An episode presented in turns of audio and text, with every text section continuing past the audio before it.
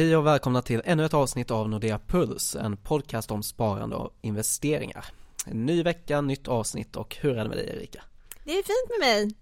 Hur är det med dig? Jo men det är bra, det här är alltså avsnitt nummer 12 av Nordea Puls.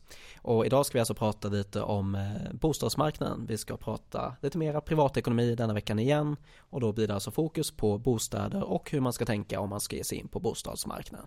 Exakt, just det här med bostadsköp, det kan ju verkligen vara den största investeringen man gör här i livet. Så att eh, det är mycket saker som man bör tänka på. Ja, det kan ju till och med vara den bästa investeringen många har gjort där ute så eh, det kan ju alltid vara intressant att få lite mera information om hur man ska tänka kring det. Personligen så tycker jag det är väldigt kul det här med att kika på eh, bostäder så på Hemnet och Booli och sådär. Så det roar jag mig med lite grann. Ja, och det kan ju vara ett bra sätt för er som tycker om att göra det, att få lite extra information om hur det fungerar när man faktiskt ska köpa något också. För det är stora beslut eh, som man ska ta och eh, förhoppningsvis så eh, kan ni få lite matnyttiga tips i det här avsnittet. Det kommer ni få garanterat. Vem är det som kommer hit idag då? Idag kommer Britta Wellbrandt hit och hon ska gå igenom detta med oss. Hon är ju kontorschef här i Nordea. Vi säger helt enkelt eh, att vi kör igång veckans avsnitt. Det gör vi.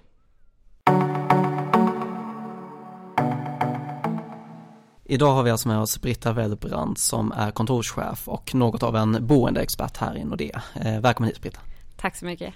Eh, jag tänkte att vi kanske kan börja med att gå igenom lite hur processen ser ut när man tar ett bolån. Vad måste man göra innan köpet?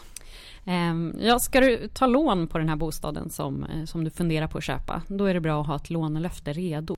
Ehm, när du har lånelöftet beviljat och klart, då är det dags att börja gå på visningar. Och hur går det till vid själva köptillfället? Ja, eh, har du hittat en bostad som du tycker om, då ska du vara med i en budgivning. Eh, och under budgivningen så är det också bra om du tar kontakt med banken för att se att ja, men objektet går att belåna. Eh, det kan finnas vissa förbehåll och regler som, som gör att banken kan säga nej. Eh, och när du väl eh, har vunnit budgivningen och fått ja från banken, då ska du skriva kontrakt med säljaren. Och vad händer då efter köpet? Ja, efter köpet, ungefär en vecka efter att du har skrivit kontrakt med säljaren, eh, då ska handpenningen betalas och det är 10% av eh, det du köper bostaden för. Ehm, och eh, sen ska du ta kontakt med banken igen för att boka in ett möte för att komma överens om låneupplägg, kanske prata lite försäkringar och hur, ska, hur din ekonomi kommer att förändras i och med ditt köp av bostad. och efter det här mötet så är du redo för tillträdet. Vi skulle gå in på eh, lite på själva köpet av en bostad. Vad ska man tänka på då? Det jag tycker att man ska börja tänka på det är vad man vill ha för månadskostnad på sin nya bostad. Så att man inte ja, men, köper en alldeles för dyr bostad och får en en tajt ekonomi efter eh, köpet. Eh, sen kan det också vara bra att fundera lite på vilken kontantinsats man vill lägga i bostaden. Om man ska lägga mer än 15% eller om man vill eh, ja, lägga 15 procent. Eh, om man har pengarna eller om man behöver spara ihop pengarna. Eh, och så kan det vara bra att göra en bokkalkyl på nordea.se. Hur fungerar det och hur kan man använda den? Ja, men det är jättebra att göra en bokkalkyl och då räknar man ju på månadskostnaden. Dels den månadskostnad som man har idag och också den månadskostnad som man har efter att man har köpt ett boende. Eh, bokkalkylen kan man ju använda om någonting annat skulle förändras, till exempel om familjesituationen förändras, att man får tillökning eller att inkomster förändras. Man kan också se vad som händer i ens ekonomi om räntan skulle gå upp, eh, hur mycket dyrare det skulle bli eller om räntan skulle gå ner. Ehm, så att den, är, den är superbra att använda och den finns på nordea.se. Hur fungerar det med lånelöfte? Hur ser processen ut för det? Ja, men har du räknat ut eh, dina månadskostnader i den här bokkalkylen, bestämt dig för att ja, men det är en bra nivå att lägga sig på. Ehm, du har eh, kollat vilken eh, kontantinsats du vill ha för ditt nya boende och även ja, men sett så att kalkylen verkar gå ihop. Det, du kan få lån på den här nivån. Då ansöker du om lånelöfte och det gör du också på nordea.se. Den här kontantinsatsen är kanske inte så enkel att bara slänga upp hur som helst. Eh, men hur tycker du att man ska spara till köpa bostad? Ja, men jag tycker att man ska lägga undan pengar varje månad. Eh, och sen också om man får lite extra över någon månad så kan det vara bra att slänga in på det här kontot. Och det kan ju vara till exempel en skatteåterbäring eller om man får någon julklapp eller så. Eh, har man en bostad idag med lån på, då kan man öka amorteringen på de lånen för att minska den befintliga skulden. För då får du ut mer från din befintliga bostad. Och hur fungerar det om man inte har pengar till kontantinsatsen? Finns det någon möjlighet där ändå? Ja, men du kan ju låna max 85% på en bostad. Så är det så att du vill ha mer i lån, då kan man kika på om det finns någon annan säkerhet som du kan ta lån på. Eller om man kan ta ett lån utan säkerhet och lägga upp. Men vilka avgifter ingår eh, normalt i boendekostnaden om man köper en eh, bostad? Om du äger en bostad så ska du betala en driftskostnad. Eh, och driften är ju eh, ja, vad det kostar att driva ditt boende. Så det kan vara hemförsäkring, uppvärmning, vatten, el. Eh, bor du i en bostadsrätt så ska du också betala en avgift till föreningen. Eh, och vissa fastigheter har en samfällighet och då ska man betala en, en samfällighetsavgift till den samfälligheten. Har du lån så ska du också betala ränta och amorteringar. Bankerna vill ju gärna ta lite höjd också så att eh, man som eh, kund då klarar av framtida räntehöjningar. Eh, hur räknar bankerna där? Ja, men det är lite olika vilken ränta du ska klara av och det förändras också beroende på hur ränteläget ser ut. Det man kan säga är att bankens jobb är att säkerställa kundens långsiktiga återbetalningsförmåga och då behöver man ta höjd för kommande räntehöjningar. Vi har ju levt i en lågräntemiljö ganska länge och sannolikt så kommer vi se räntehöjningar i framtiden. Och det är därför bra om man sparar mer pengar eller amorterar mer på sina lån nu när räntan är låg. Det låter som en väldigt bra idé. Ehm, jag tänker om man nu ska köpa en bostadsrätt, eh, finns det något särskilt som man borde kolla på i bostadsrättsföreningens årsredovisning? Eh, ja, men jag tycker man ska kika lite på underhållsplanen. Vad föreningen har genomfört för renoveringar eller vad de har planerat för renoveringar i föreningen. Och även hur de ska finansiera de här. Eh, sen så är det bra att kika på hur mycket lån som finns i bostadsrättsföreningen. För du köper ju in dig som ägare till en andel i den här föreningen. Så alla andelsägare är ju eh, ansvariga för föreningens lån. Sen är det också bra att kika på om föreningen eh, ja, men har räknat med att räntan kanske kommer att gå upp eller om de amorterar på sina lån eh, och vad de betalar för ränta idag. Vad händer om räntan går upp? I eh, vissa årsredovisningar så står det också om de har tänkt att höja eh, avgiften framöver. Så det kan vara bra att kika på också. Man ska läsa noga alltså? Ja, men det tycker jag. Mm. Det byggs ju väldigt mycket idag. Vad ska man tänka på om man köper nyproduktion? Ja, men när du köper en nyproduktion så skriver du kontrakt för en bostad som du ska flytta in i om ja, men till exempel två år. Priset sätts idag och du betalar när du flyttar in i bostaden, alltså om två år. Och här är det lite klurigt eftersom lånelöften enbart är giltiga i sex månader. Och mycket kan ju hända på en tvåårsperiod. Så det är bra om man har en kalkyl som inte precis går ihop. Eh, om det skulle vara så att till exempel familjesituation eller inkomster förändras. Och viktigt att tänka på är också att inte ta några nya lån under den här perioden.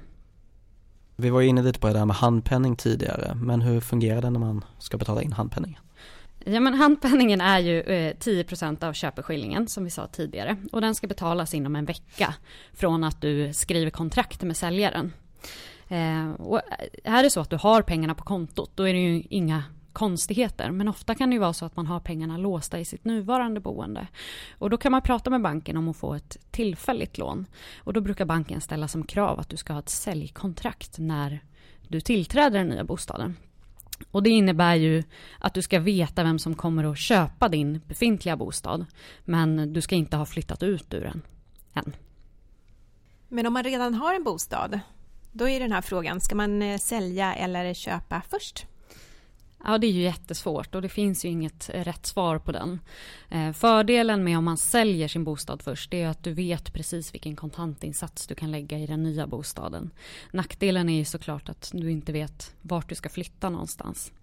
Skulle det vara så att du väljer att köpa först, då är det ju superbra om du pratar med banken om de här tillfälliga lånen. För att du har ju troligtvis en stor del av kontantinsatsen i den befintliga bostaden. Och då behöver du ju det här säljkontraktet också. Vilka försäkringar kan vara bra att ha till sitt nya boende? Ja men en hemförsäkring är ju toppenbra att ha. Köper du en villa ska du ha en villaförsäkring eh, också och den brukar kallas för villahem så då brukar båda delarna ingå. Ehm, eh, sen köper du en bostadsrätt då ska du ha ett bostadsrättstillägg. Sen finns det även försäkringar som skyddar din inkomst om du skulle bli sjuk eller arbetslös eller kanske värst av allt om någon i familjen skulle gå bort. Eh, det finns lite andra kostnader förknippade med att köpa ett boende också. Eh, jag tänkte på vad det är stämpelskatt för något? Stämpelskatt är ju en skatt som du ska betala i samband med att du förvärvar en tomträtt eller en fastighet. Eh, samt om du ska ta ut inteckningar i en tomt eller fastighet. Så det är två delar och det är lagfart som du betalar på priset som du betalar för eh, den här fastigheten. Och lagfarten är 1,5 procent av priset som du betalar. Eh, och sen är det pantbrev då och det är ju inteckningarna. Och de här inteckningarna de följer med fastigheterna. Så är det så att du köper en, en fastighet där det redan finns inteckningar på till exempel 100 000 kronor och du ska ha lån på 130 000. Ja, då behöver du ta ut nya inteckningar på 30 000 kronor. Så att du behöver ha inteckningar för varje krona som du har i lån. En annan sak som vi skulle kunna gå in på lite mer är ju det här med försäljning av bostad. Vad ska man tänka på där? Det, det viktigaste där är att du ställer eller lägger rätt förväntningar på försäljningen. Det är bra att fundera på vad som händer om du skulle få ut mindre för din bostad. Vad, vad gör du då om du redan har köpt en bostad till exempel? Så att gör inga glädjekalkyler över vad du kommer att få ut för din bostad. För marknaden kan snabbt förändras och du kanske inte kommer få ut lika mycket idag som grannen fick för sex månader sedan. Och hur ska man tänka när man ska välja en mäklare? Men där tycker jag att man ska kanske sätta sig in i köparens situation. Så man kan ju gå på lite visningar som de mäklarna som man tror att man kommer att tycka om eh, har. Och se lite hur de agerar utifrån en köpares synvinkel. Eh, sen är det bra att ta in offerter från olika mäklare. Och eh, Sen tycker jag att man, man ska välja en mäklare som man litar på, som man känner att man vill anlita. Och tänka på att priset kanske inte alltid är viktigast. Och sen när man har eh, lyckats sälja sin, eh, sitt boende, hur, eh, hur funkar det här med vinstskatten? Ja, men när du säljer en bostad, då ska ju vinsten, om du gör en vinst, eh, den ska beskattas med 22 procent. Eh, och det finns en del avdrag som man kan göra, till exempel mäklararvodet får man dra av. Eh, men det kan vara bra att kika med Skatteverket så att man är säker på att man får göra de avdragen som man har tänkt att göra. Sen kan man ju också välja att skjuta upp skatten om man till exempel vill lägga in det här skattebeloppet i den nya bostaden. Så att man har en högre kontantinsats helt enkelt. Eh, och det kallas för att göra ett uppskov. Eh, och där är också en del krav och regler som, som man behöver kolla av med Skatteverket så att man vet att man verkligen kan göra det här uppskovet. Men om man redan äger en bostad och, och känner sig nöjd och, och trivs bra där, vad kan man tänka på till exempel det här med räntan? Ska man binda den? Ja, det beror helt på vem du är som person eh, och vad du har för ekonomi i hushållet. Är det så att ni har små marginaler i hushållet, ja men då kan det vara bra att binda räntan för då kanske ni behöver veta varje månad vad ni ska betala. Har ni större marginaler, ja men då kan ni klara av en, en rörlig ränta och eh, att kostnaderna kan gå upp eller ner ja, beroende på hur ränteläget ser ut. Eh, det man kan göra det är att eh, man kan fylla i en boränteväljare på norea.se. Då får man fylla i eh, lånebelopp, eh, ens egen tro på marknaden om man tror att räntan kommer att gå upp eller om den kommer att gå ner framöver. Eh, och också vilken risknivå man vill lägga sig på. Och då får man en indikation på eh, vilket agerande man ska göra. Eh, det här med att binda räntan är ju något som diskuteras i media då och då. Eh, och något annat som man också brukar skriva om är ju det här med att antingen spara eller amortera. Hur eh, ser du på det? Ja, men jag skulle inte välja det ena före det andra. Eh, båda är ju väldigt bra. Eh, och nu när vi har så låga räntor, då är det jättebra att amortera. Eh, för att dels sänka sin skuld, eh, för då får man ju betala en, en lägre räntekostnad eller en, en, kostnad på ett lägre lånebelopp om räntan skulle gå upp. Eh, men sen ett sparande behövs ju alltid. Eh, äger du ditt boende så behöver du ha ett buffertsparande för oförutsedda händelser. Om någonting går sönder i ditt hem som du behöver byta ut eller, eller så. Så att både och.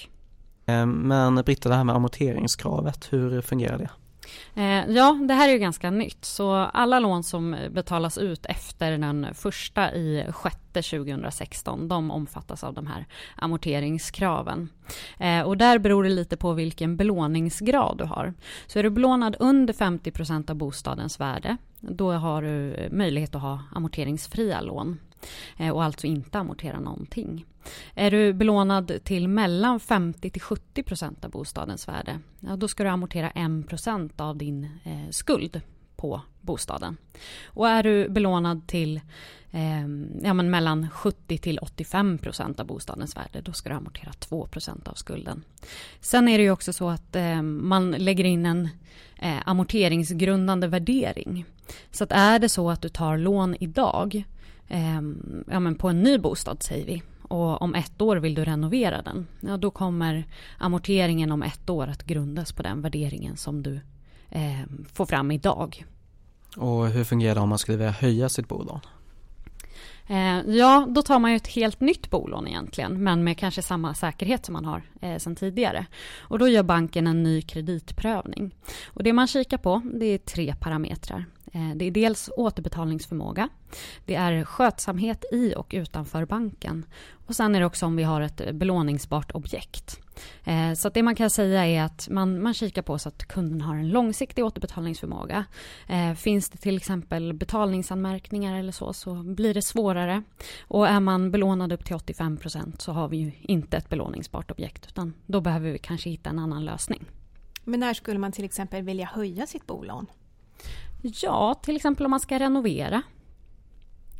Då kan det vara bra att, att ta lån på den säkerheten som man ska eh, investera i. Ja, Britta, mycket intressant eh, det här ämnet. Eh, men vad är de tre viktigaste eh, sakerna att ta med sig från det här avsnittet, tycker du? Jag tycker att eh, det viktigaste är att man ska fundera på hur mycket man vill betala för sitt boende.